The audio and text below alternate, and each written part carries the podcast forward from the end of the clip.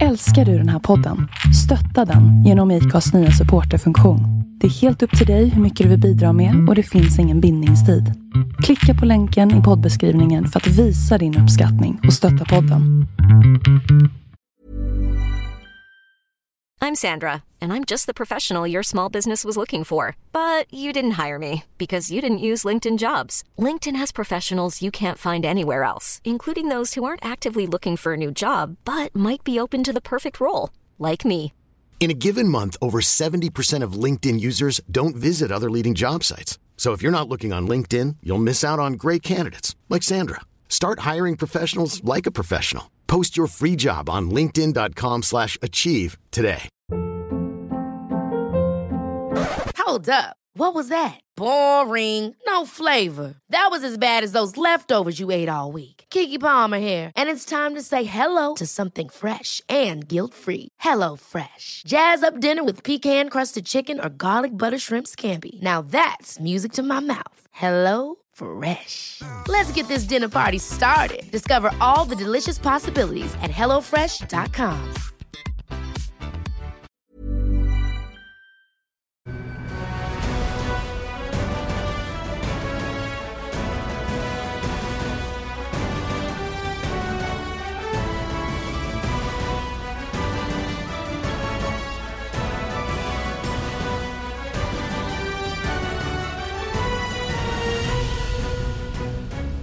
Fjärde säsongen av eh, MotoGP-podden drar igång eh, alldeles nu och eh, vi står som vanligt i Andreas eh, garage. Du Andreas, hur känns det här? Nej, du sa det bra. Fjärde säsongen drar igång nu och ehm, det, närmar, det närmar sig med stormsteg även aktivitet på banan. Ja, det gör ju det. Vi snackade lite innan här om eh, just banaktiviteter och eh, har du någon abstinens nu efter racing här? Det är ändå rätt kort eh, vinteruppehåll, men eh, hur känns det? Ja, det har jag faktiskt. Så jag tycker att det, det börjar bli dags. Nu har man fått lite i alla fall här i och med att testerna redan har dragit igång lite grann. Men eh, jag längtar ju till det. här. Det är bara fyra veckor kvar till vi åker till Qatar och sen så står de på startlinjen och det ska bli, eh, ja, det ska bli kul den här säsongen. Jag tror att det kan bli en, eller jag vet att det kommer bli en bra säsong.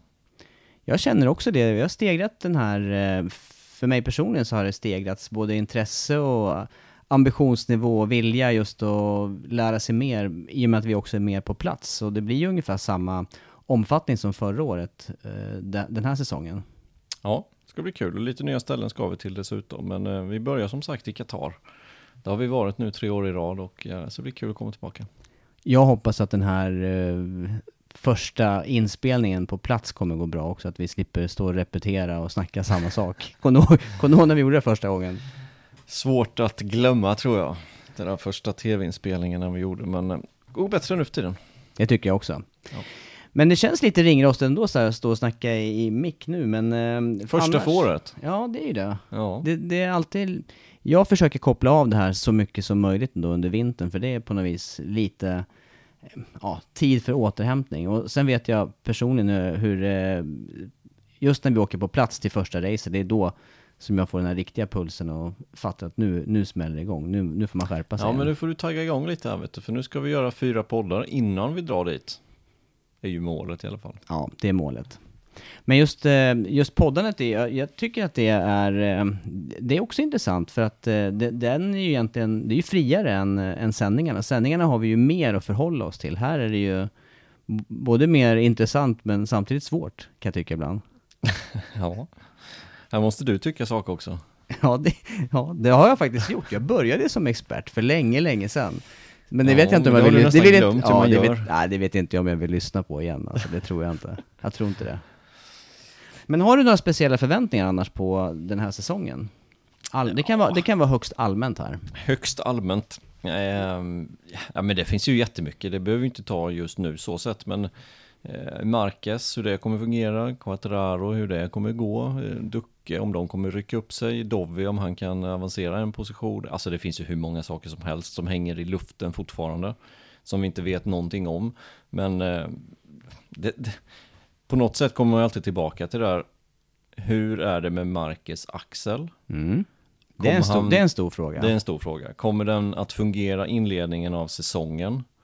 Eh, och i så fall, hur bra är Hondan och hur bra kommer han prestera? För det, på något sätt är det ju, ja, alla vet ju att det är Marquez som man ska slå. Men sen är det ju många som lurar där bakom, hur bra är Yamaha? Hur, vilket steg har de tagit? För att, att de menar allvar med dels denna säsongen, men kanske framförallt nästa och året efter det. Det, det har vi ju, det ska vi komma in på också i den här podden. Så det är många sådana förväntningar som jag känner i alla fall. Hur, ja, hur, hur står det sig? Men eh, kanske mest egentligen Marcus axel. Mm. Det andra axeln är det ju också. Det, det, han gjorde den här operationen fast på andra sidan under förra vintern och det verkar ju inte direkt vara lättare det här året. Nej, och det är ju det som var lite konstigt för det sa de ju inför den här operationen att ja men den här, vi behöver göra operationen som de gjorde då den 27 november tror jag det var. Eh, vi behöver göra den här operationen men det ser inte lika illa ut som den som gjorde förra året och då hade de ju någonting att utgå ifrån. Eh, och det var ju ganska stora problem förra året, men sen verkar det som att även i år, även fast det var en mindre operation eller en likadan, fast det borde gått snabbare, så har det inte gjort det, utan det har varit stora bakslag här känns det som. Mm. Speciellt under januari, början på januari, då var han inte alls nöjd. Nej, och då kan man ju tänka sig att man kanske skulle ha tidigare lagt den här operationen lite grann. Om ja, det nu är... Det är lätt att vara efterklok. Ja, det är lätt att vara efterklok. De trodde ju ändå att det skulle gå lite smidigare. Nu, nu har det verkar inte som att ha gjort det. Eh, och han säger ju själv att han kommer vara 60-70% nu när testet drar igång och ja, det är minst lika illa som förra året. Mm, ja. Så att ja, ja det, är, det, är, en liten osäkerhet i alla fall som, som, ehm, som kanske de andra kan eh, utnyttja. Och sen vet man ju inte vad som händer här med, med att han inte han är fullt frisk. Nu har de en rookie då jämte honom. Crutchlow, Nakagami som har gjort en, en operation dessutom. Crutchlow som inte var helt hundra förra året i sin Nej, fot. och, och, i år, alltså förra året gick det ju bra för Marcus ändå för att han hade inga krascher på väg till första racet. Men vem vet vad som händer i år? Han kanske kraschar direkt på fredag och slår upp den här skadan. Och, ja, det är många sådana osäkerhet som jag känner i alla fall runt hans axel. Ja, ja spännande förväntningar där inför säsongen. Och jag kan ju bara instämma där, det är just med Marcus och att han är måttstocken. Men sen är det ju, sen utifrån det vi har sett de senaste åren här så är det ju en, en ganska jämn grupp förare bakom där som är, där det, där det kan gå åt ena eller andra hållet. Och det är väl det, är väl det vi får se lite grann när, när några racehelger har kört igång.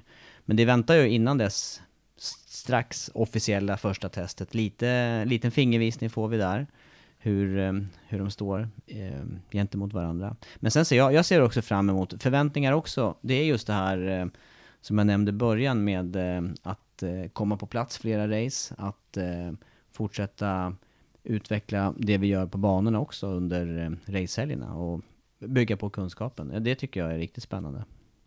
Och ombordvarv varje racehelg? Dessutom, för det har, varit lite, det har varit lite svajigt några år. Det har vi ju gjort kontinuerligt men inte haft möjlighet till jämt. Men till den här säsongen blir ju det. Ja, alla vi är på plats på så kommer vi köra det här varvet som vi får göra då på fredagen som spelas in. Vi pratar samtidigt och så kommer det sändas då strax innan racestart på söndag. Och det är ju faktiskt, eh, jag, jag, ska inte säga att det är helt unikt, men, men i sportsammanhang så är, det, så är det ju ganska unikt i alla fall att få möjlighet att vara på, på den bana som det ska göra upp, göras upp på bara dagarna efteråt. Och, och faktiskt köra där. Och även om vi båda har kört mycket och på många banor så finns det ju alltid saker att addera och lägga till och lägga märke till när man, när man väl sitter på cykeln på, på banan. Ja, så är det. Ehm, det är kul också att köra på de här nya banorna som man inte har kört på innan.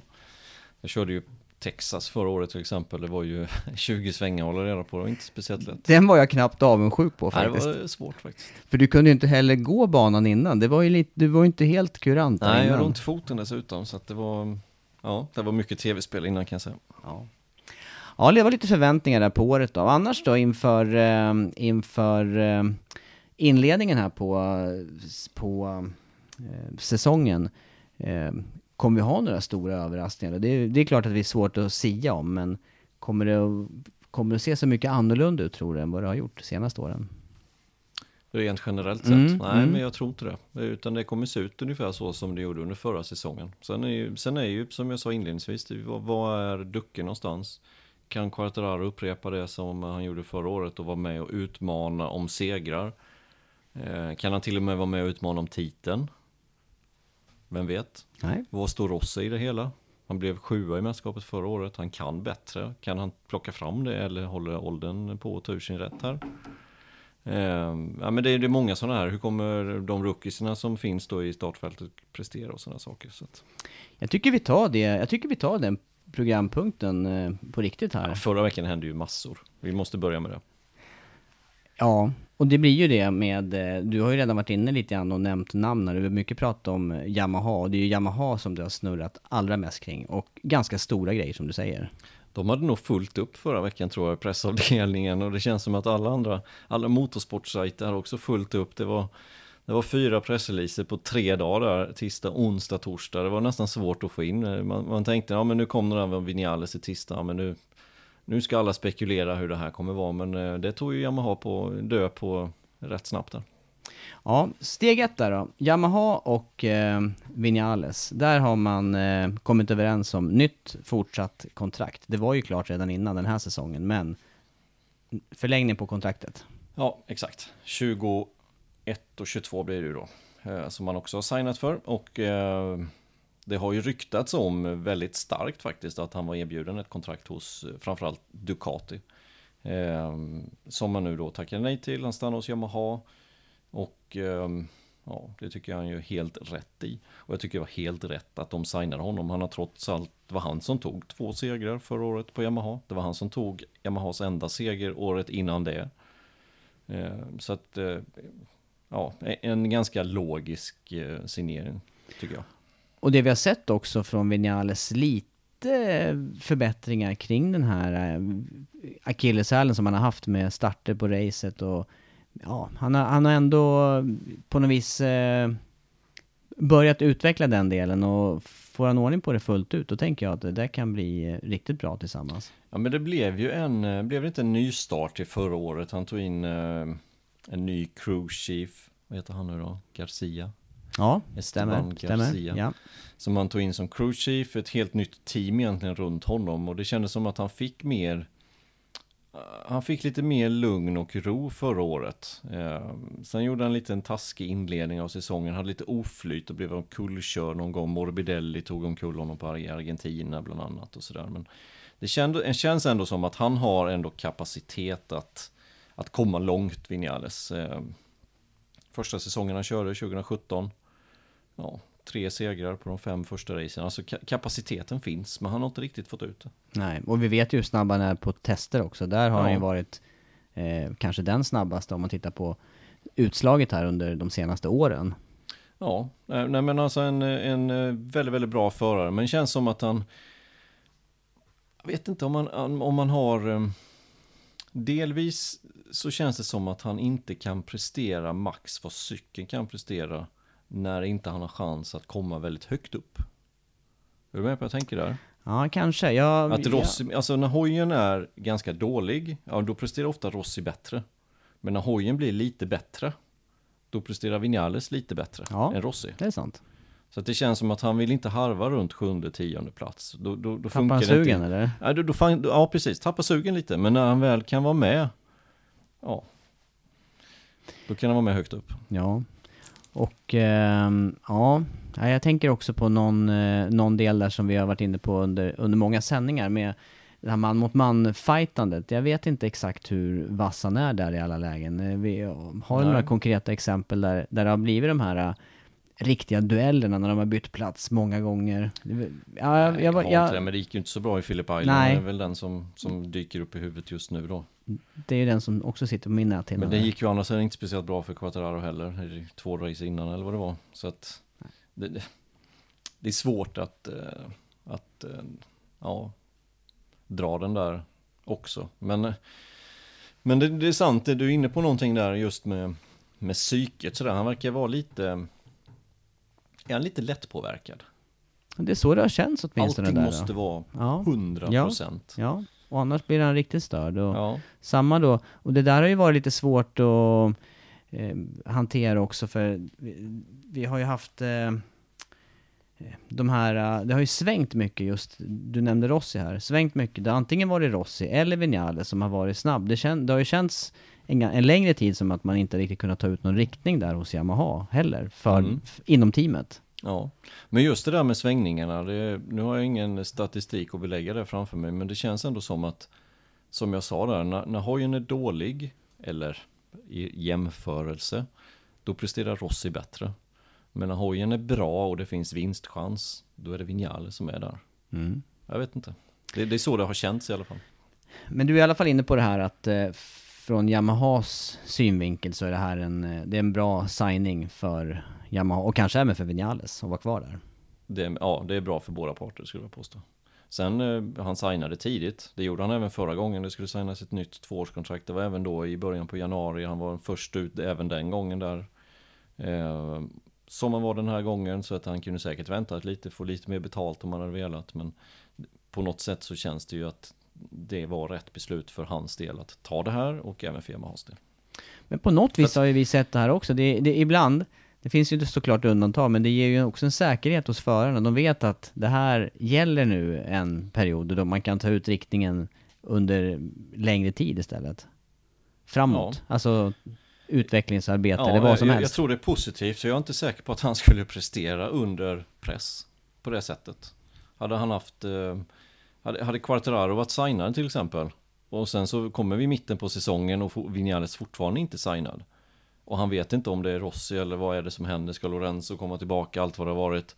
Då, då tror jag han hade presterat sämre än vad han eh, kan göra. Känns sig lite hotad i det här kanske? Ja, jag tror det. Ja. Så att jag tror det var, det är rätt beslut för hans del att, att skriva på det här kontraktet och eh, ja, spännande. Mm. Som sagt, han är den enda på tre år som har vunnit med Yamaha. Mm.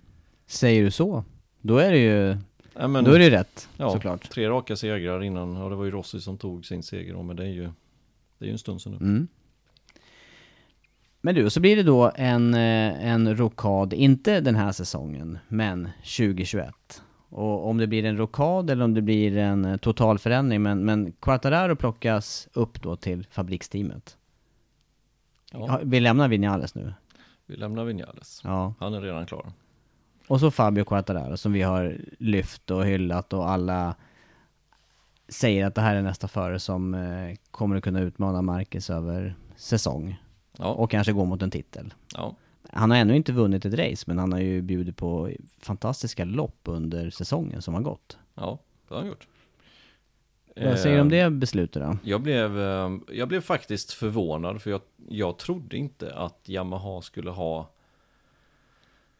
Jag trodde inte de skulle ta det beslutet faktiskt. Inte så här tidigt, trodde jag inte det. Men, men jag blev positivt överraskad att de gjorde det.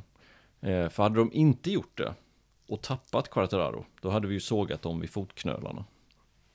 Men jag trodde där när de signade, när de signade Vinales att nej, men nu, nu, nu avvaktar de lite, ser vad Rossi ska göra och sen så låter de Rossi köra kvar om han vill och då, då gör de fullt stöd till Quartararo i Petronas. Ehm, och väljer Rossi att lägga av, då plockar man upp honom. Så trodde de skulle göra. Ja, jag är, jag är faktiskt helt inne på din, Ja, ditt resonemang där. Det var, det var vad jag tänkte också. men eh, nu signade de honom direkt till fabriksteamet och eh, jag blev positivt överraskad ändå. För det, på något sätt så, så eh, i mina ögon så får de att, eh, att mena allvar på ett annat sätt.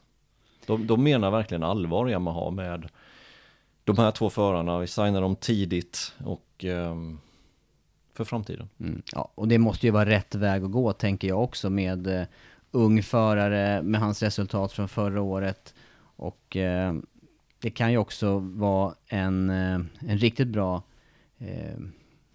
morot eller en anledning för dem att satsa ordentligt på Quattararo under den här säsongen också. Det har vi ju sett redan, alltså de- den uppväxlingen har ju skett redan under säsongen 2019 från Yamahas håll. Ja, nej, det, det, han, kommer ju få, eh, han, han kommer ju få det absolut senaste som Yamaha överhuvudtaget kan erbjuda honom under den här säsongen. Även för att nu ska de då i så fall ha, ja, Quattararo och Morbidelli ska ju sitta på samma hoj i år. Men risken är ju att Quattararo, eller risken för Morbidelli är att Quattararo kommer få de här små uppdateringarna lite, lite före Morbidelli hela tiden och kanske inte ha samma hoj i slutet av säsongen.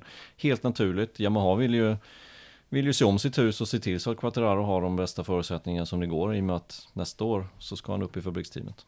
Så det, det är ju det, det är ju bra för Quattararo skulle jag säga att ha signat det här tid så att pass tidigt. För han kommer ju i, snu, i stort sett vara fabriksförare denna säsongen också. Mm. Fast i ett annat team i väggen jämte liksom. Boxen jämte. Ja, och med tanke på hans bakgrund också här då. Vi räknar ju efter här. Har han ens kört i samma team fler än ett år de senaste säsongerna innan MotoGP här? Ja, han har ju bytt team varje år fram tills, ja detta blir ju två år i rad nu då i samma team. Sen han kom in i GP. Och då har han ju dessutom då ytterligare stakat ut riktningen framåt då med samma maskinmaterial och, och, så vidare. Så att han kommer ju få några säsonger nu där han verkligen får chansen att, att blomma ut tänker jag. Och det här, som han har kört i år, då är ju det här verkligen ett, ett världsmästarämne. Det måste vi ja, säga. Ja, men det är det. Och eh, även där låg ju Ducati på hårt, vad jag har fått reda på. Även Suzuki låg tydligen på extremt hårt för att få Quattararo till nästkommande säsong. Så att eh, erbjudanden har funnits på bordet och eh, tydligen var det extremt mycket pengar också från åtminstone italienarna där med Ducati. Som han nu då tackar nej till. Han får sämre betalt hos Yamaha än vad han kunde fått hos Ducati. Så att, eh, ja men in, intressant och det, det kommer vara bra för honom. Det kommer vara jättebra för Quartararo och för Yamaha, för all, alla parter skulle jag säga. Men vad, vad, vad kul det låter tycker jag ändå att det är en eh, förare som, som väljer ett sånt, eh, ja men som du säger då, lägre betalning, men eh, han ser vad han har kunnat göra också under den här säsongen och vi har ju träffat honom på nära håll flera gånger under året och förut också, men det är ju det är lugn och självsäkerhet och ja, det, det är en skön stämning runt om honom också mm. i teamet. Ja, men det är det. Det är det, eh, verkligen. Och eh, nu gäller det att upprepa detta för honom. Han har ju ganska mycket högre krav på sig den här säsongen än vad han hade förra året. Och eh, jag skulle säga att han, han har ju nästan kravet på sig att vara med och slåss om Marquez om titeln. Och, och ehm, där tycker jag ju att man går för långt. Det, det tror jag blir svårt. Ja, för vi ska komma ihåg att han inte vunnit race ännu. Nej, precis. Han har inte vunnit ett race ännu. Men, eh, men att det kommer komma någon seger under säsongen, det, det vore konstigt annars. Men kanske ändå en poäng här då att det är med fabriksstöd och ändå inte i fabriksteamet. Det är ändå lite ja. mera i skymundan att köra för Petronas. Ja, ja det är det. Även fast han kommer ha stor press på sig. Det är inget snack om den saken efter förra årets eh, succé där. Två bra signeringar i alla fall då. Ja, men två bra. Ja, precis. Jättebra. Mm, ja, två bra signeringar av um, Vinales, Quattararo. Ungt team och uh, de menar allvar. Mm. Men det här blir ju intressant att se då kring, kring Rossi som ändå är stora namnet fortfarande. Vi har ju sett en liten... Eh, intressemässigt runt honom så tycker inte jag att vi har sett någon förändring när man är runt på banor. Eh, fanstöd och sådana här saker. Men eh, någon slags, eh, någon slags skillnad som förare, kanske. Ja, nej, bara tillbaka till det här med stödet. Mm. Vi pratade om det förra året, bara när vi gick i depån du och jag. Då sa jag till dig att kolla här nu på Rossi. Det är alltid jättemycket folk utanför Rossis eh, trailer och sådär. Men när jag började det här jobbet, jag började 2017, då var det inte alls lika mycket hos någon annan förare. Men jag tycker däremot att det har ökat på så det är nästan lika mycket idag runt Marquez som det är hos Rossi. Nu pratar vi inne i själva nu depån. Nu pratar vi inne i depån, mm. ja. Nu pratar ja. vi inte på läktaren eller sådär, eller, eller sociala medier eller vad som helst. Utan Nej, nu pratar kan, vi folk som ja. står och väntar ja. på diverse förare. Det står en hel hög utanför Rossi alltid, men jag tycker det har ökat på hos, eh, hos bland annat Marquez. Men det är min förhoppning också. Vi snackar förhoppningar inför säsongen här och, och på något vis så står ju hela mästerskapet ändå inför generationsskifte. Vi har ju sett ett par ganska stora namn eh, lägga hjälmen på hyllan med Pedrosa, med eh, Lorenzo här senaste tiden. Och det är ju några äldre stora förare som också står på tur då, bland annat Rossi. Eh, och då är det ju viktigt att dels att racingen har varit så bra som den är, men också att det är förare som blir nya affischnamn på något vis och drar, som tar över. drar folk. Mm. Ja, men eh, samtidigt som Quattararo pressreleasen kom så kom ju även en till vad Rossi ska ta vägen och eh, han har fortfarande inte bestämt sig vad han ska göra för någonting om han ska fortsätta eller inte. De säger väl beslut någonstans runt Mugello någonstans där juni månad, maj, juni månad. Eh, och väljer han att fortsätta så har han fullt stöd ifrån Yamaha. Men vad har han för alternativ då? Eh, vad, vad, vad tror du lutar, eh, vad talar för och emot att han eh, kommer att fortsätta köra MotoGP då? Helt omöjligt. Helt omöjligt att säga skulle jag vilja påstå. Det, det vet han bara själv. Om motivationen och resultaten finns där, då kommer han fortsätta. Finns inte motivationen, kommer det gå dåligt inne på säsongen så kanske han lägger hjälmen på hyllan. Men det vet han bara själv om man kommer fortsätta eller inte. Jag tror att spekulera i det kan vi ju hålla på med tills han tillkännager det. Jag är, jag är helt fascinerad över hur just motivationen kan Ja. finnas fortfarande. För, för den här sporten, fascination och, och sådär, men just att göra det här yttersta som, som krävs för att vara med i toppen, det är, det, det är extremt tycker jag. Ja, det är det. Eh, får vi se om man kan studsa upp då den här säsongen först och främst eh, jämfört med förra året. För förra året var en det var en bra inledning av säsongen. Han tog någon andra plats. Han höll på att vinna i USA där när Marcus hade gått omkull. Då var det Rin som gjorde det istället. Så att han var ändå med där på pallen ett par gånger. Men sen var det ju bedrövlig säsong där med Mugello, Barcelona, Assen, tre krascher där i rad. Och, nej, det var ju inte bra alls. Nej, det där är hans eh, starka banor också under Ja. året. Ja, så att han måste studsa tillbaka. Och sen, det, han hämtade sig inte heller riktigt. Utan eh, han blev, eh, ja det var Vinales som dominerade i Yamaha-teamet. Och han behöver studsa tillbaka Rossi han ut till den här säsongen. Vilket jag tror att han kommer att göra också. För att jag tror inte han är nöjd med att avsluta på det sättet som han gjorde förra året. Nej, det ligger någonting i det. Och jag vill till till det där racet på Sepang för ett och ett halvt år sedan där. När han, Mm. eh, när han pushade för, för seger till bara några varv kvar. Ja, Det var ett bra race. Det var ett bra Och det är inte allt för länge sedan heller. Nej, det är inte allt för länge sedan. Alltså kapaciteten finns, det gäller bara att få ihop det för han. Ehm, och ehm, ja, vi får se. Vi får se. Men han har en, en Yamaha i, i, hos, hos Yamaha och tekniker och alltihopa om man då väljer att fortsätta. Och då är väl frågan Under för- vilken flagg Ja, kanske? exakt. Istället för att spekulera i om man kommer fortsätta eller inte, utan eh, spekulera istället i att om man fortsätter, var kommer de att placera honom? Eller var kommer han att själva vilja gå? Eh, jag tror inte Petronas vill ha honom.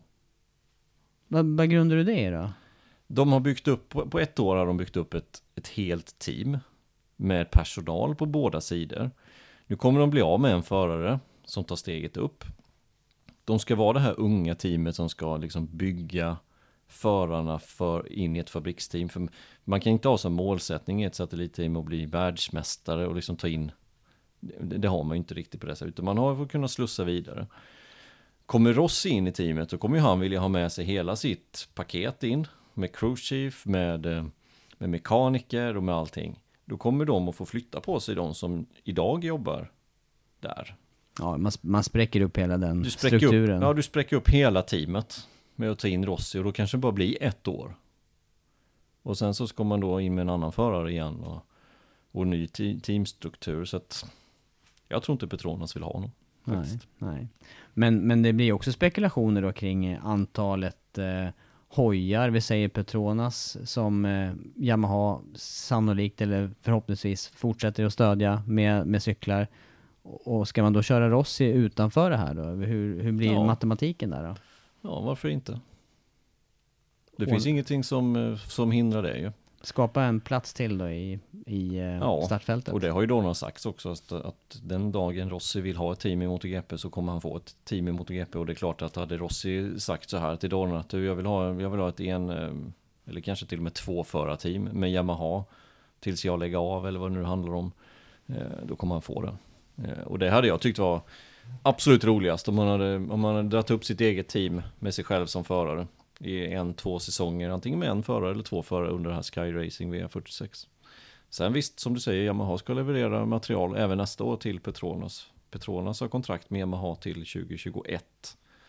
Så att nästa år kommer det levereras Yamaha till Petronas. Men efter det vet man ju inte heller. Nej, men då ligger det å andra sidan också i linje med deras satsning. De, de har satsat hårdare nu och insett att det här är... Ja. De måste göra någonting för att slå Honda och, eh, och Ducati. Ja, men det gör det. det, gör det. Ehm, ja, jag, jag tycker Rossi eget team, kanske tillsammans med sin brorsa, varför inte? Mm, kanske Marini. läge. De är ju snabba tillsammans Ja, på, i, alla, i alla möjliga sammanhang. Ja, Bil, inte? eh, dirt track och allt möjligt. Om nu Marini då presterar på en bra nivå den här säsongen så plocka upp honom tillsammans med Rossi i eget team. Det hade ju varit eh, det ultimata istället för att placera Rossi i Petronas. Det, det, det tror jag inte på. Det, det, är ingen... Jag hade inte tyckt att det var en bra idé åtminstone, för det, det är bättre att ta ung, unga förare istället som ersätter Quattararo i, i det teamet. Det där låter spännande. Bro, bröderna, bröderna Rossi nästan då. Ja. Och sen eh, Alex och, och Mark Marquez vidare på Honda också då. Ja, Ja, ja, spännande. det är inte klart än i och för sig, Nej, men det, det är om det skulle bli. mycket som tyder på det. Ja. Ja, stora grejer runt eh, Yamaha där. Det var det tredje. Det var det tredje. Sen har vi en sak Hiring for your small business? If you're not looking for professionals on LinkedIn, you're looking in the wrong place. That's like looking for your car keys in a fish tank. LinkedIn helps you hire professionals you can't find anywhere else, even those who aren't actively searching for a new job but might be open to the perfect role. In a given month, over 70% of LinkedIn users don't even visit other leading job sites. So start looking in the right place. With LinkedIn, you can hire professionals like a professional. Post your free job on linkedin.com slash achieve today. Ever catch yourself eating the same flavorless dinner three days in a row? Dreaming of something better? Well, HelloFresh is your guilt-free dream come true, baby. It's me, Kiki Palmer. Let's wake up those taste buds with hot, juicy pecan-crusted chicken or garlic butter shrimp scampi. Mm. Hello Fresh. Stop dreaming of all the delicious possibilities and dig in at HelloFresh.com. Let's get this dinner party started. Hey there, it's Michelle Norris. I'm host of a podcast called Your Mama's Kitchen. When I travel, I'm usually looking for a way to find a taste of home when I'm not at home. And one of the things I love to do when I am at home is entertain. And Airbnb allows me to do that. When I was in California recently, I rented a house that had a great kitchen. And when we were sitting around the table, we were all thinking, we're in someone else's house. Someone could be in all of our homes as well. If you have a home, but you're not always at home, you have an Airbnb. Your home might be worth more than you think. Find out how much at airbnb.com/slash host. bak kvar. Ja, det är så. Och den, ja, jag vet inte, halvförvånad. Det, det är Lorenzo där då, som eh, plötsligt dyker upp som gubben i lådan igen. Ja, Det kanske inte är så mycket, du kanske var mer förberedd på det där? Nej, det var, det var jag faktiskt inte. Jag, jag var lite tveksam till att börja med, men så blir det. Lorenzo in då som testförare, officiell testförare hos Yamaha. Har redan börjat och testat. Testade igår på det här shakedown-testet de hade. Och eh, redan nu så var han ju ja, en tiondel ifrån vad han körde med Repsol Honda där senast. Så det är klart att Yamahan passar Lorenzo. Lorenzo sa det efter testet också ju att, eh, att nej, men det känns som att att komma tillbaka, det, det var inte mycket som har hänt under de här åren jag varit borta utan det känns ungefär likadant. Sen vet jag inte om det är ett bra eller dåligt betyg åt Yamaha. Men, men Nej. eh, han kände igen den han satt på i alla fall. Men som sagt, det är men lite förvånande ändå. Jag tycker det. Med tanke på det han sa och känslan som, eh, som han gav eller sände ut där under hela andra halvan av förra året här. Jag, jag fokuserar rätt mycket kring den här. I mina, i, i mina tankar så är det mycket kring ja, men det han sa kring skadan och kring eh, den här oviljan och slå sig mer, eh, pusha gränserna och så då. Och det måste man göra även som testförare, kanske inte riktigt i samma omfattning men, men hyfsat mycket. Ja, jo det måste man ju, men jag, jag Ja, han, han var less på att slå sig på det sättet, men sen var han nog less på hela situationen där och inte kunna vara med och vinna. Eh, Men ändå lägga ner så pass mycket jobb som man måste göra för att vara MotoGP-förare, resa runt på 20 race och han var nog trött på hela, hela paketet. Men att köra lite hoj på några testdagar då och då, ja, vem orkar inte med det tänkte jag säga. Nej, det ligger så nära. Det, det, nej, det är ju ingenting jämfört med vad, vad han Nej, har gjort. Nej, Nej, men nu är sant. snackas det ju redan om wildcard. Ja. Det är ju det som är att, att de redan har lämnat in en wildcard-ansökan till Barcelona går ju ryktet om nu. Och de skrev ju lite kryptiskt också att eh, i pressreleasen att det finns ingenting bestämt men om man skulle vilja så är vi öppna för förslag i princip skrev ju Yamaha i den här pressreleasen så att ja, vi kanske får se Lorenzo tillbaka i race-sammanhang. I alla fall något race på Yamaha. Men du, utifrån det vi pratar nu här, Yamaha, vi skummade över Honda lite tidigare här under podden. Eh, känns det inte som en starkare uppställning förarmässigt här. Yamaha har ju den här, de har ju den här bredden och vi har ändå inte nämnt Morbidelli fullt Nej, ut nej, heller. nej, nej. Alltså alla de här förarna vi pratar om nu, de här fyra, eller om vi tar bort Lorenzo. Alltså Yamahas förare i år, de har ju kapacitet att bli, ja, topp åtta allihopa. Ja, och där har ju Honda betydligt eh, osäkrare Honda tillvaro. har ju i princip bara en förare som kan vara topp 8. Skulle jag vilja säga. Crutchlow och eh, Nakagami och Alex Marquez. Ja, det är tveksamt om de, är, om de knös in topp 8 i mästerskapet. Det, det är, ja, det är nog kanske någon Suzuki och några Ducati däremellan. Nej, och sen med tanke på skadeläge, ålder eh, Ja, ja. eller erfarenhet då, eller brist på erfarenhet från, Nej men från det, det, det är ju det vi sa, att alltså Yamaha menar, de menar allvar helt enkelt. De menar riktigt allvar när de har signat de här förarna och den satsningen som de gör. Så att, eh, får de bara till hojen lite bättre än vad den var förra året och lite mer allround, funkar lite mer, för det var några djupdyk och sen var det succé på några ställen. Kan de få ihop det där lite mer jämnheten och höja nivån lite och framförallt få mer hästkrafter så de inte tappar så mycket på raken. Då ligger Yamaha bra till. Och Ja. inte lika beroende av en förare som du säger. Nej, precis. Och då kan de ju också på ett annat sätt vara med och, och stjäla poäng. Om det är sådana helger Ja. där Yamaha går bra, då kan de ju faktiskt stjäla poäng från, från Marcus då, som vi ändå tror är den, det stora namnet och Ja, hotet. ja det kan de med. Det kan de med. Men du, Morbidellis, är det värt att nämna någonting om honom då? Vad, vad, tar, vad blir hans... Eh, vad blir hans framtid då? Om, om till exempel Quartararo får de här uppdateringarna som du snackar om och kanske blir lite bättre, ligger i lite bättre läge även den här säsongen. Kommer det att påverka Morbidellis möjligheter för eh, fortsatta karriären då? Ja, det, det får ju tiden utvisa, men eh, Morbidelli han för att klara igenom den här säsongen, då måste han ha ett, eh, ett psyke av, jag vet inte vad. För han, det, det måste vara riktigt, riktigt tungt psykiskt för Morbidelli just nu. När Quattararo kommer in i teamet, Morbidelli är världsmästare i Moto 2, har fått en säsong i MotoGP. Kommer in, presterar bättre än Quattararo inledningsvis förra året och sen får han spö. Egentligen hela året. Hämtar sig lite i slutet och så ser han på sin teamkompis nu då som redan har signat för fabriksteamet. Och det, han, han begriper ju också vad detta innebär. Det innebär att Yamaha kommer satsa mer på Quattararo i Petronas-teamet än vad de kommer på Morbidelli.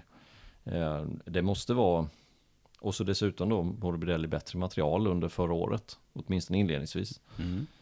Så att det måste vara extremt tungt för Morbidelli känner jag. Och eh, kan han prestera hög nivå den här säsongen, då visar det sig att då, då har han ett bra psyke.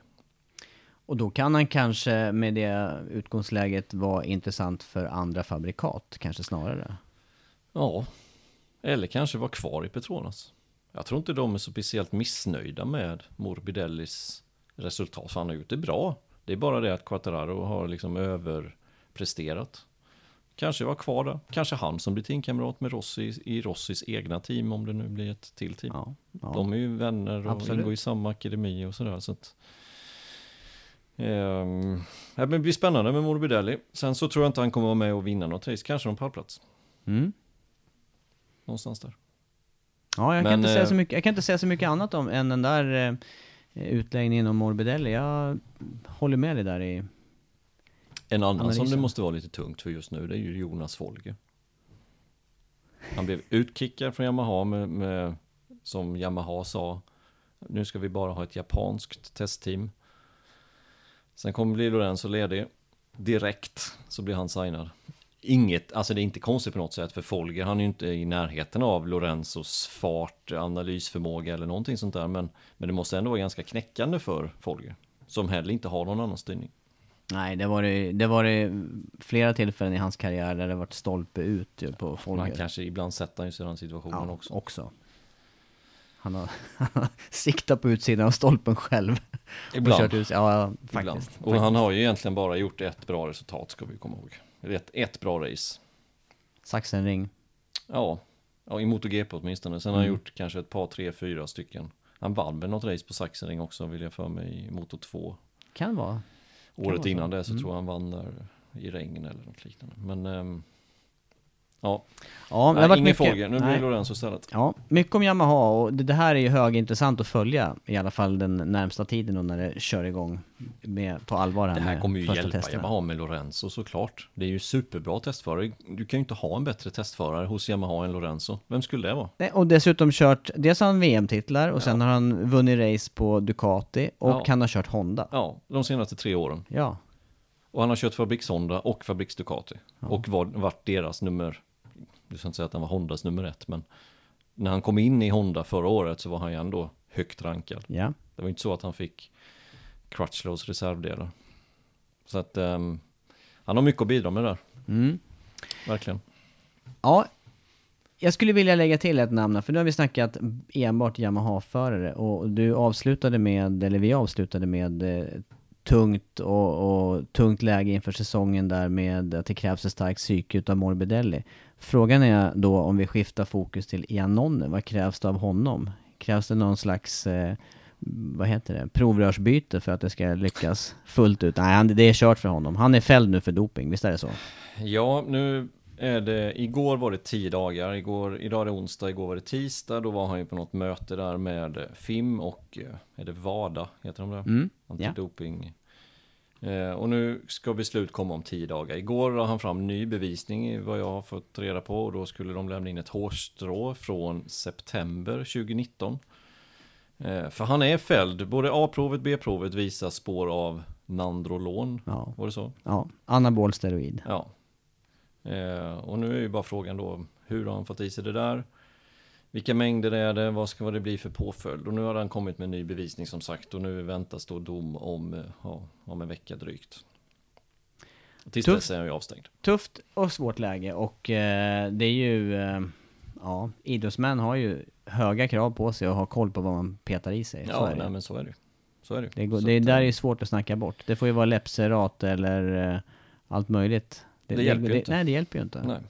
Så att eh, vi får se. Jag, är- jag är inte 100% insatt i doping om jag ska vara ärlig. Så att jag, jag vet inte riktigt. Men vi får se vad det här visar sig här om någon vecka. Vad han åker dit på. Men blir han avstängd längre än någon månad eller två. Då, då kommer de ju kicka honom. Det är jag rätt övertygad om. Kickar de, kommer Aprilia kicka honom. Och, Och då är det sannolikt slut med hans MotoGP-karriär. ja, då, då är hans MotoGP-karriär över. Så är det. Ja. Jag kan inte se vem som skulle vilja Nej, men in honom. oavsett, den här sporten har ju varit ganska förskonad ifrån doping. Det har inte varit, eh, det, har i alla fall inte varit min känsla att det har hjälpt så mycket. Men det, det har ju varit ärenden tidigare där med avstängningar av olika slag. Men en del har ju handlat om, om preparat för att hålla vikten och sådana här saker. Det tappar vikt tidigare. Ja. Ja, vi får se hur den här delen utvecklar sig helt enkelt. Men då, ja. Anthony West är en annan. ja. Som också har blivit snackis här de senaste, de senaste månaderna egentligen. Han åkte ju också dit för doping, var det 2012 eller något liknande? Ja, det Första var den där starten på Le Mans tror jag, eller vad det var. När, det, när de, i alla fall ett prov därifrån. Jag tror att det var någon, någonstans där. Ja, precis. Men sen har han ju fortsatt att köra på andra sidan jordklotet eller Ja, och sen åkte han dit på något ytterligare här för några år sedan och, och blev avstängd. Fortsätter att köra. Eh, och gör man det så strider man mot regeln att man, man får, även fast det inte är filmsanktionerad tävling, så får man inte tävla helt enkelt med motorcyklar. För då kan man riskera ytterligare bestraffning hos FIM. Eh, och det är väl det han åkt dit på nu då. Eh, och varit kritisk på diverse sociala medier och missnöjd. Men om inte jag minns fel så tror jag det var, var det inte kokain den här gången? Ja, det är möjligt att det... Det, det, Tror det känner inte jag till Tror faktiskt. Jag tror att det var det som det var problemet. Ja, nej, det, det är illa. Hans det är karriär illa. också även. Ja, det kommer ju vara så. Ja, Kommer vara så. Ja, eh, ska vi släppa den delen så länge? Konstatera att det är problem för Enon i alla fall. Och taskigt Ja. läge är det ju alltid. Doping ska man ju aldrig hamna i den situationen kring. Men, eh, men eh, ja. nej men det, vet, vet du det här är taskigt lite för, eh, för Petronas också, alltså för Stigefelt och, och det teamet. För att de kommer tappa sin Moto E-förare, Bradley Smith. Ja, för att han kommer kliva upp i april Han istället. kommer kliva upp i april, ja. Mm. Om det nu då, om Janone får kicken så blir det Bradley Smith där istället och då har de ingen Moto E-förare. Du är inte intresserad? Kan inte du Jo, lägga jo. ut en krok där? Jag, jag är intresserad. Du har ju vana av eldrivna fordon dessutom. exakt, både elcykel och elbil. ja, nej men jag är intresserad, det är bara att eh, ja, någon ska bli varvad. Ska jag berätta? Jag har faktiskt också lite vana nu av eldrivet. Vet du vad det var på? Jag var på motorcykelmässan här i Göteborg. Mhm. Och då hade de en eh, balanstävling med elskoter. Vet du hur svårt? Nej, men jag hade ju... Eh, nej, jag körde faktiskt två gånger. Det gällde ju att ha bäst tid. Jag tror att det kanske var under hela mässhelgen eller under hela dagen där. Eh, jag hade en... Jag hade en klar topp tre-tid. Och så satte jag ner foten med fem meter kvar. Och det var kanske 25 meter, 30 som allt handlade om då. Någon sån här serpentinbana och vändning. Men, men alltså balansera med en elskoter. Nej, det var, det var grymt svårt kan jag säga. Det var det. On-off. Det kanske fanns olika körlägen, jag vet inte det på den där, men det, det, det är ingen... Det var ju ingen känsla liksom i den här... Det var lite som, vi kollade ju där uppe i Österrike. Eh, uppe på kullen där, högst upp. När, när det går från avslag till påslag. Den är lite svår Ja, och hitta den här mjuka övergången där. Så att jag hade, jag hade träningsverk efter och eh, jag vann ingenting tyvärr. skit. Mm. Du brukar ju vinna sådana balans. Jag har ju faktiskt gjort det ett par gånger. Jag hade velat vinna. Det var, det var bra grejer där. Det var några skinnkläder och det var någon körkurs. Kunde behövt en körkurs, fräscha Ja. upp. Ja. ja, nej jag får nog inte den styrningen emot er, det tror jag inte. Nej, Ehm, den tiden är förbi. du tror det? Jag vet. Ja, på den nivån i alla fall. Ja. Ja. Men du, ja. ja, vi släpper den delen då. Men ska vi ta och, eh, ska vi blicka in mot nästa punkt istället då? Absolut, vad har vi nu på agendan? Ja, jag tänker bara, konst, i och för sig bara konstatera att eh, det drar ihop sig då till första officiella testet och i, i samband nu då, de senaste veckorna, vi sa här kring Yamaha har det varit mycket skriverier, men det är också nu, den här perioden på året som alla team presenterar sina färger och sina definitiva uppställningar och så. Jag vet inte om du vill ens kommentera något speciellt där. Det är, det är intressant att se färger, men vad, vad ser vi annars på de här teamlauncherna? Inte mycket. Eh, såg du Repsol Honda igår? Det var extremt olik mot förra året. Jag försökte faktiskt att detaljstudera det. Jag tycker ändå det är kul att detaljstudera. Jag, jag hittar Jag hittade någon logga som satt på, en HRC-logga som satt på kåpan istället för vingen som den satt på nu. Mm. Annars var den, eh, ja i princip identisk. Man får vara, Lackmässigt. man får vara skarpögd om man ska... Å andra sidan så har de gjort ett varumärke också, Repsol och Honda, att ha den här lacken, så varför byta någonting som fungerar? Nej. Men jag- Hon- Ducke har ju redan haft sin presentation. Det var också i princip lika, det var någonting som skiljer lite mer svart i år. Ja, det var mer svart. cykeln. Ja.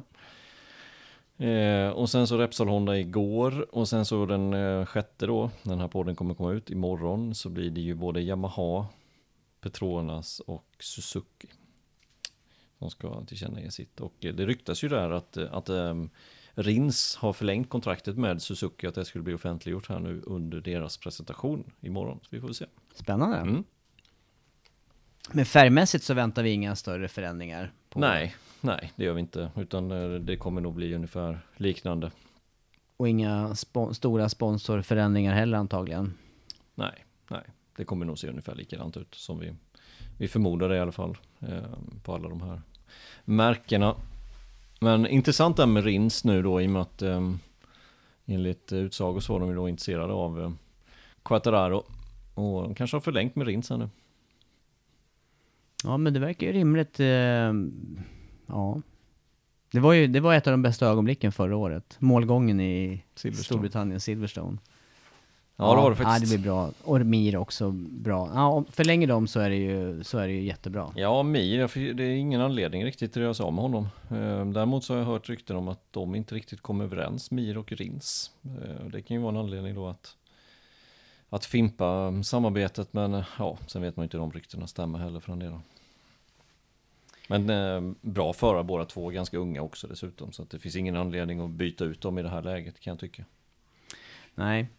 Nej, och vi, sa att det inte är så mycket som händer på de här teamlauncherna och det, men, men ett märke kommer att hända mycket kring och det är ju faktiskt Aprilia som vi nämner här som, som har en helt, helt nyutvecklad cykel egentligen till ja, i år. En helt ny motor dessutom, 90 yards V4 istället nu. Och um, Alicia Sparger körde ju den sista dagen på den här shakedown-testet och ehm, ja, verkar vara väldigt positivt överraskad. Att den var bra helt enkelt. Så att, eh, jag menar, hade ju varit kul om de kunde ta ett stort steg. Inget litet steg här, utan de behöver nog ta ett stort steg för att kunna vara med och utmana framförallt KTM. Mm. Ja men de har ju den här, den här styrkan som vi eh, noterade här under fjolåret, eh, som på Aragon här.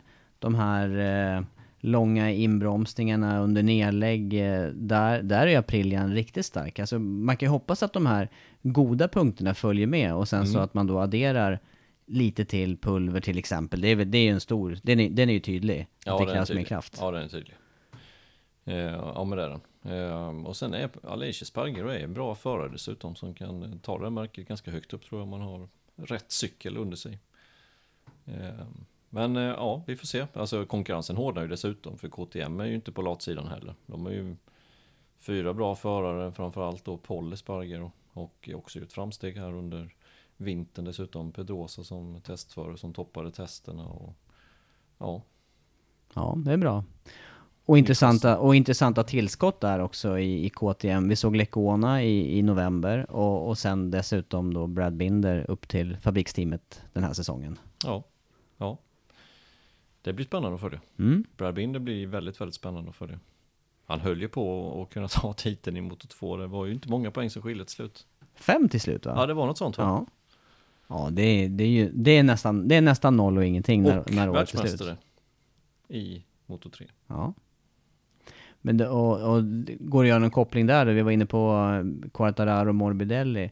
Det blev ju också lite sån eh, springa om funktion här hos KTM då. Oliveira jämfört med eh, Brad Binder.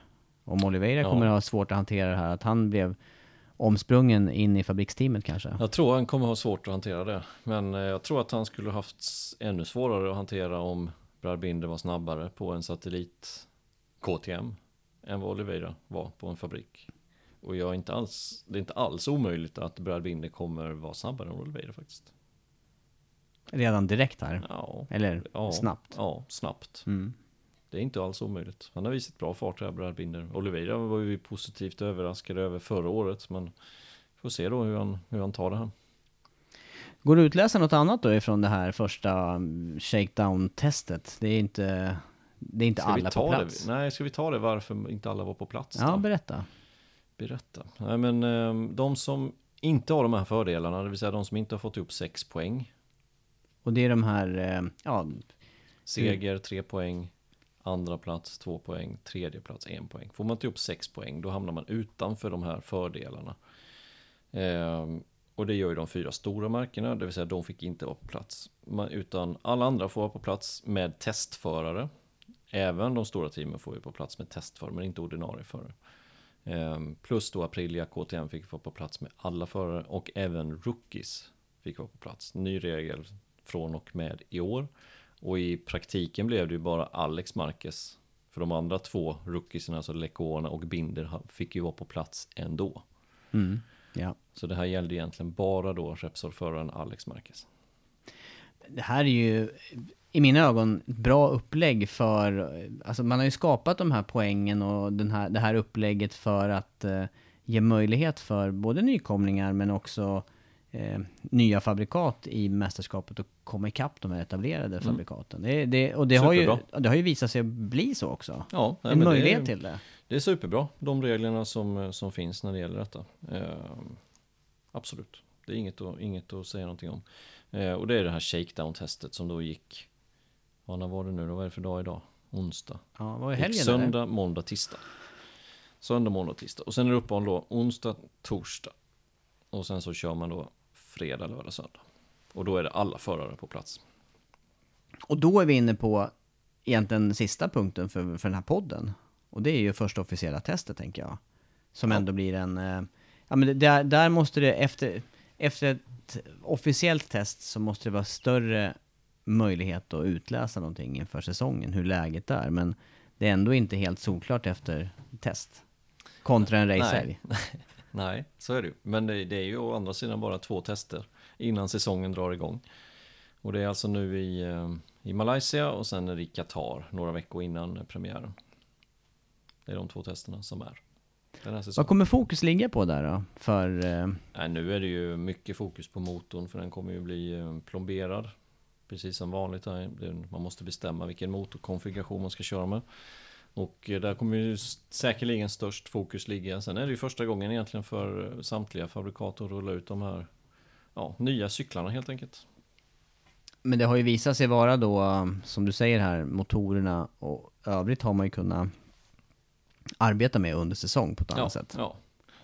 Ehm, inför säsongen så har det varit mycket aerodynamik och motorer. Framförallt motorer. Nu är aerodynamiken ganska låst. Så att det är inte så mycket att, att göra där heller. Utan framförallt motorn. Få till en bra konfiguration. Och det här med hur eh, att, eh, att eh, det här testet ligger i Malaysia hänger ihop med banans karaktär och möjlighet med, med klimat och allting? Eller, eller är det någonting annat som avgör placering av de här testerna? Nej, det är, väl, det är väl lämpligt att köra där det går att köra. Där det inte är snö. Men du, fredag till söndag är det som gäller. 7 till 9 februari alltså, första officiella testet. Mm. Eh, ja, det är Ja, men det- nedräkning. Det är nedräkning på allvar nu. Ja, det är bara en och en halv dag kvar. Nej, men det ska bli jättespännande. Eh, var befinner sig Ducke någonstans? Dovi vet vi att han, han kan man aldrig utläsa på test. Han, han bryr sig oftast inte om varvtider och sådana saker. Jättesvår att utlösa, utläsa. Men Petrucci däremot, han var väldigt snabb på testerna förra året. Under hela testerna, hela första delen av säsongen. Sen fallerade det totalt. Han måste rycka upp sig. Ja, Quattraro. Kan han fortsätta? Mm. Och var befinner sig Marquez på, på skalan när det gäller hans axel? Och den är, eh, ja. Jag tror att eh, Honda vill nog se någon annan förare som tar för sig ordentligt här och visar bra fart och kan hjälpa till att utveckla det här. Jag tror att de är lite illa ute annars. Ja, och det här just med, med, eh, med Mark Marquez som du nämner, det här kan ju också göra att han kör betydligt färre varv. De får kanske inte, ja, de får inte den här eh, yttersta feedbacken heller gällande motorkonfiguration och vad som, eller, eller, eller räcker det ändå med, med, med hans insatser om, om man inte kan köra för fullt? Ja, ja det räckte ju förra året. Ja. Nej, det är, det är, det är som sagt en av de mer spännande momenten i detta. Det det var befinner sig Mark Marquez någonstans i fysiskt sett? Kan han eh, göra sig själv rättvisa? Kan han eh, hjälpa till att utveckla hojen det sista man behöver här inför säsongen? Ehm, det, är, det är frågan faktiskt. De har som sagt en nyopererad Nakagami. De har en rookie i Alex Marquez och sen har de Crutchlow. Och så Bradel då som är deras testförare. Så att eh, det, det är ingen optimal situation, långt därifrån. Och sen är det oh, på något sätt är detta andra året i rad. Och det är inte säkert att det blir bättre av att upprepa samma sak igen. Det kan bli mer, jag vet inte, mer slarvigt kanske. Men, ja, men vi gjorde detta förra året och då fungerade det så. Och så jämför man nog mycket med året innan istället för att, jag vet inte. Nej, jag känner mig väl långt en, eh, ifrån eh, komfortabel med, med För Hondas del? ja, och Mm. för hans del framförallt. Mm. Nej men jag, det, det har ju visat eh, de här senaste åren med Yamaha att eh, ja, men man, man har varit på något vis lite för nöjd och inte gjort tillräckliga förändringar och alla andra gör förändringar och, och hittar vägar vidare som gör att plötsligt så ser det ut som att Yamaha har gått bakåt men man kanske har gjort för små förändringar eller för Ja. Ja, det, det, är, det är intressant. Och det där är ju svårt att utläsa förrän alla står på startlinjen. Ja men det är det. och, och, och det är ju också så här att Marcus, visst, Mark Marcus han var, han var överlägsen till poäng. Han gjorde en klockren säsong förra året.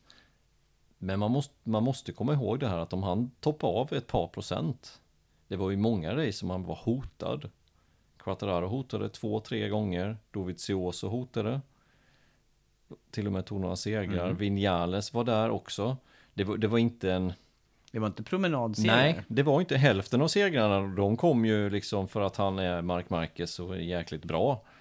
Medan hälften då kom för att han ja, var, var överlägsen. Men, men droppa av några procent. Och så Yamaha har gått uppåt kanske då med ny, nysignade kontrakt. Både Quattararo och Vinales och bättre hoj. Och så en Rossi som är tänd. Alltså det är, det är så små marginaler som gör att det kan bli pannkaka.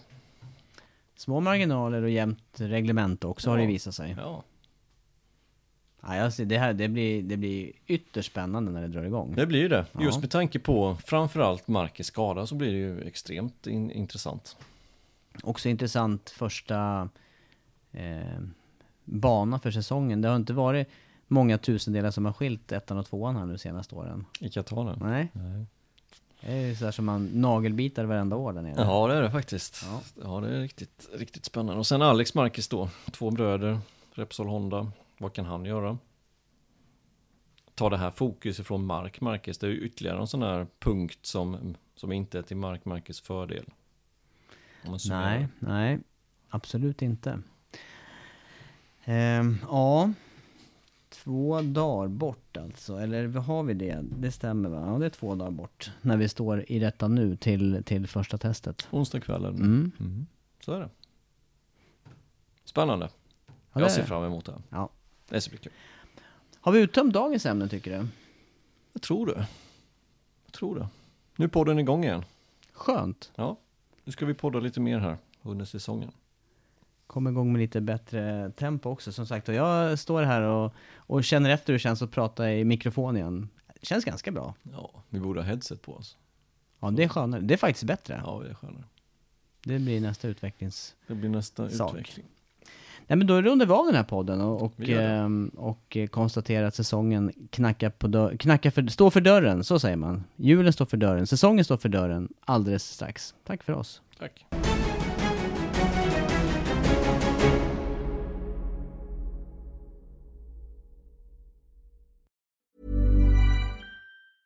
Planning for your next trip? Elevate your travel style with Quince. Quince has all the jet setting essentials you'll want for your next getaway, like European linen, premium luggage options, buttery soft Italian leather bags, and so much more. And it's all priced at 50 to 80% less than similar brands. Plus, Quince only works with factories that use safe and ethical manufacturing practices. Pack your bags with high-quality essentials you'll be wearing for vacations to come with Quince. Go to quince.com slash trip for free shipping and 365-day returns. Ever catch yourself eating the same flavorless dinner three days in a row? Dreaming of something better? Well, HelloFresh is your guilt-free dream come true, baby. It's me, Kiki Palmer. Let's wake up those taste buds with hot, juicy pecan-crusted chicken or garlic butter shrimp scampi. Mm. Hello Fresh. Stop dreaming of all the delicious possibilities and dig in at HelloFresh.com. Let's get this dinner party started.